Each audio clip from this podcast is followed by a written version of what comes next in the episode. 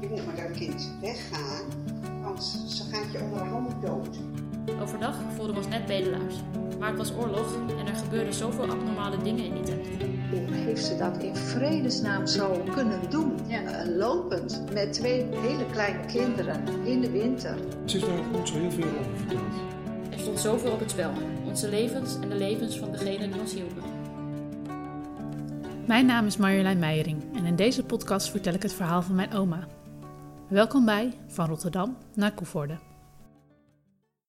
Het is 1 maart 1945, dag 4. De boerin van het gezin uit Hoevelaken had ons afgeraden om de Zuiderzeestraat weg te nemen, vanwege het beschieten door de Engelsen. De Engelsen dachten dat het kolonnen van de Duitsers waren. Er liepen heel veel mensen, zegt tante Nelly ook. Ja, maar ja, je leest toch wel in die oorlogsboeken dat het hele kolonnes waren met kinderwagens. Allemaal mensen die eten gingen halen. En dat was ook juist gevaarlijk, want de geallieerden die bombardeerden dat allemaal. Die dachten dat er iets, eh, iets van Duitsers was. Ja. Het was eigenlijk heel gevaarlijk om in zo'n met zo'n groot gezelschap langs de weg te gaan. Op de opnames uit de jaren 90 wordt aan mijn opa en oma de vraag gesteld: hoe wisten jullie de weg? Je hoort hier zowel mijn oma als even later ook mijn opa. Ging dan al vragende weg? al vragende weg. En rekenen, we waren met de trein wel vaak. gingen we ook over de Veluwe natuurlijk naar Zwolle en dan in een andere trein naar Koepel. En ja, ik had geen kaart bij me. Maar ook steeds vragen. Richtingaanwijzers waren er niet. Die hadden de Duitsers allemaal weggehaald. Dus je kon geen plaatsnamen afgeven. Ze zijn niet vaak fout gelopen, vertelt oma verderop. Volgens tante Henny komt dat doordat oma heel erg goed in topografie was. Dus ze moesten gewoon echt heel goed weten hoe ze moesten lopen. Hoe weet je dat? Ja, Ja, topografie dan, denk ik. ja dat denk ik wel. Mama was heel goed in topografie hoor, altijd geweest. Die wist heel veel eh, plaatsen te vinden. En ik denk dat ze ook gewoon eh, de weg gewezen hadden. De mensen waar ze dan zeg maar oh, s'nachts geslapen hebben. Van nou morgen, vandaag willen we daar en daar naartoe. Ja. Eh, hoe moeten we lopen?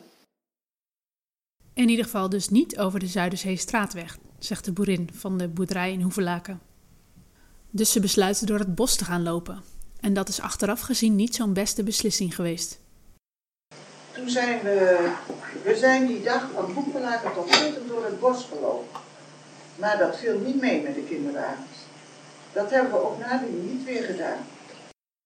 Ik begrijp best waarom ze niet over de grote weg gingen. Als je het risico loopt om beschoten te worden, dan ga je uiteraard liever door het bos. Net zoals met eh, Lord of the Rings. Je moet niet over de, over de weg gaan, maar ga door het bos. Ja, en daar hadden ze geen kinderwagen bij zich. Nee. Mijn oma, Jans en Ati hebben die tocht door het bos behoorlijk onderschat. Dat kwam onder andere door het feit dat ze s'avonds om 8 uur van de weg moesten zijn omdat het spertijd was. Ook hebben ze in Putten niet een adres via het Rode Kruis gevraagd. En uiteindelijk was het zo laat dat ze zelf een adres moesten zoeken. Dan waren we bij een boerderij aangekomen, buiten Putten. En dan mochten we niet binnen. Er was geen officieel adres via het Rode Kruis. En die lieten ons niet binnen. Later hebben we gehoord, of dames die teruggegaan zijn, dat het een NSB-boer was. Maar dat wisten we toen niet. Die klopte maar over. Hier zegt mijn oma iets over de tocht wat ik nog nooit gehoord heb van familie en wat ook niet in het boekje staat. Het was niet heel erg goed te verstaan, maar ze zegt: Later hebben wij gehoord dat het een NSB'er boer was. Maar dat wisten we toen niet. Blijkbaar hebben ze per ongeluk bij een boerderij aangeklopt waar een NSB'er woonde. Het gekke vind ik wel dat dit nieuws is voor mijn familie, bijvoorbeeld voor tante Nelly. En zegt ze, later toen Jans en Ati teruggingen, toen hebben we gehoord dat het een NSB'er was, die boer. Dat ik dacht, oh, Zo, dat is ook Linkeboel. ja, Dan? Ja, ja dat, dat staat niet op de voorgevel. Dat weet je dan niet, nee. Oh, lieve help. Ja. ja. En oom Bram wist het ook niet. als die boer dus NSB'er was, hè, en dat, dat blijkt zo te zijn. NSB'er is een politieke overtuiging. Ja. Hè, of een, eh, dus dat, ik vind dat wel twee verschillende dingen nog. Los van of, ik denk van, als ze dat geweten had, was ze dat, had ze daar niet aangeklopt. Dat weet ik niet. Dat- Dat vraag ik me dus af. Maar uit Maakte nooit, dat uit? Ja, onder, onder druk wordt alles vloeibaar. Hè, dus, Ja. eh, De Nationaal-Socialistische Beweging, de NSB, had veel aanhangers onder de boeren. Dat lees ik op de website van het Verzetsmuseum. Ik citeer: NSB-aanhangers voelden zich vaak op de een of andere manier bedreigd.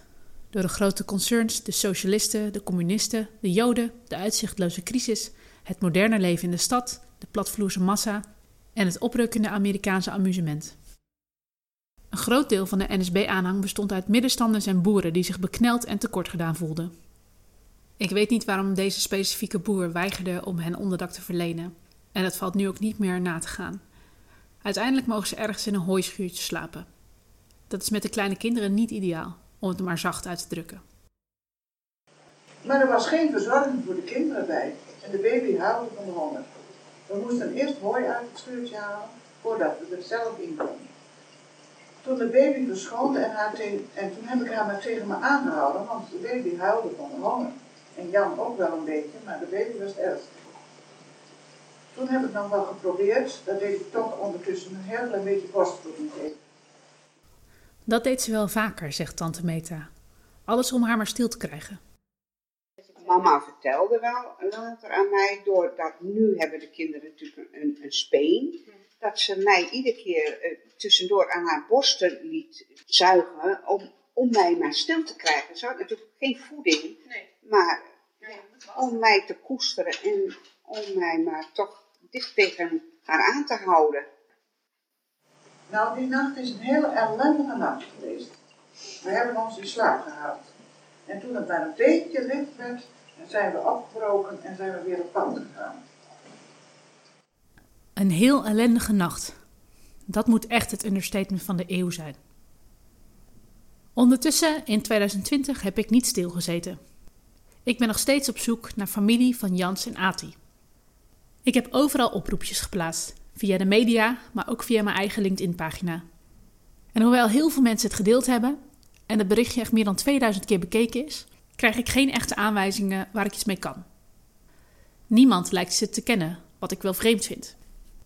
Ik krijg één tip van een via-via connectie van mij op LinkedIn.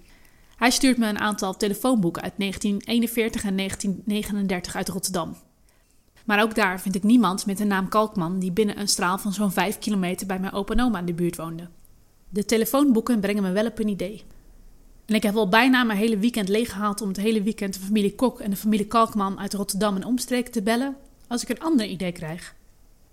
Ik heb al eerder gezocht in de krantenarchieven via delver.nl, ook op de namen Ati Kalkman en Jans Kok Kalkman, maar ik heb nog nooit alleen op de achternaam Kok Kalkman gezocht. Ik vind eerst een advertentie waarin G. Kok en J. Kok Kalkman gefeliciteerd worden met hun 35-jarig huwelijk. De advertentie is uit 1978, dat betekent dat ze in 1943 getrouwd zouden zijn. Dus dat zou goed kunnen. De advertentie vermeldt bovendien Kralingse Veer. En dat is ook waar mijn opa en oma hebben gewoond. En dan vind ik een rouwadvertentie. Uit 1992. Van Gerrit Kok. In de advertentie staat J. Kok Kalkman. Dus dit zal ongetwijfeld hetzelfde stel zijn geweest. Maar er staan ook een aantal plaatsnamen en voornamen van hun kinderen in. En er staat een adres, de Buffelstraat in Rotterdam. En de Buffelstraat is zo'n 300 meter van de Antilopenstraat waar mijn opa en oma gewoond hebben. Maar in de Buffelstraat in Rotterdam vind ik niemand meer met de achternaam Kok. Dus ik ga de oudste zoon proberen te zoeken, Piet Kok. Ik hoop maar dat hij in het telefoonboek staat, want dat is de enige manier waarop ik hem zou kunnen vinden. De eerste P. Kok die ik bel, verwijst me door naar haar zwager. Want die weet alles over de familie, zegt ze.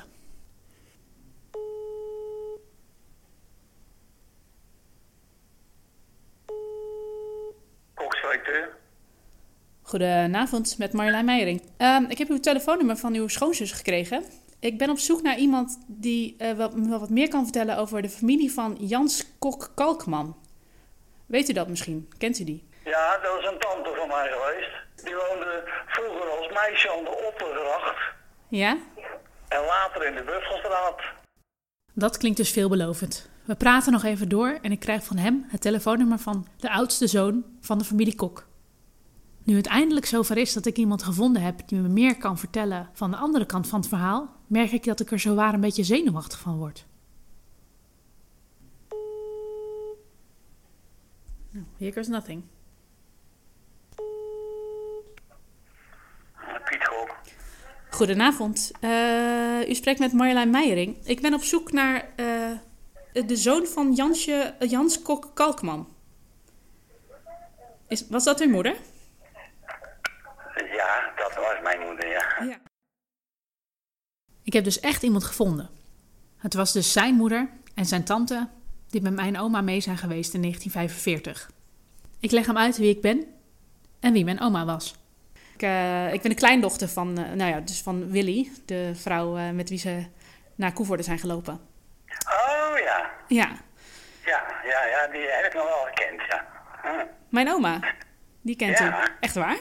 Ja. Oh, Nou, ze hadden namelijk ook nog eh, vrienden hier wonen op Kralingse Veer. ja. Uw ouders wonen denk ik aan de Buffelstraat en mijn de buffel, ja? opa en oma wonen aan de Antilopenstraat. Ja. Ja. Ja. En ook de familie Overvoorde wonen daar vlak bij mijn opa en oma. Die kennen ze dan Ja, misschien ook wel. Ja. Oh, nou, kijk aan. Wat grappig. Nou, je bent wel aardig, eh, aardig voorgelicht eigenlijk. Ja, ja. Hij blijkt ook allerlei verhalen gehoord te hebben. En we spreken af dat ik binnenkort bij hem langs ga om het er verder over te hebben. En hij blijkt ook tante Meta te kennen. En eh, mijn oom en tante waren toen ook al, wel al geboren. En die, had- die waren dus ook mee op die tocht als baby en Ja. kleinkindje. Dat was Meta, ja. Ja, klopt, ja. Ja, dat weet ik ook nog wel. Oh, dat, goed dat u dat allemaal nog weet. Nou, Ja. heel leuk. Ik ben erg benieuwd wat deze zoon van Jans mij nog meer kan vertellen. Dus daar hoor je ongetwijfeld meer over in aflevering 6 van Van Rotterdam naar Koevoorde.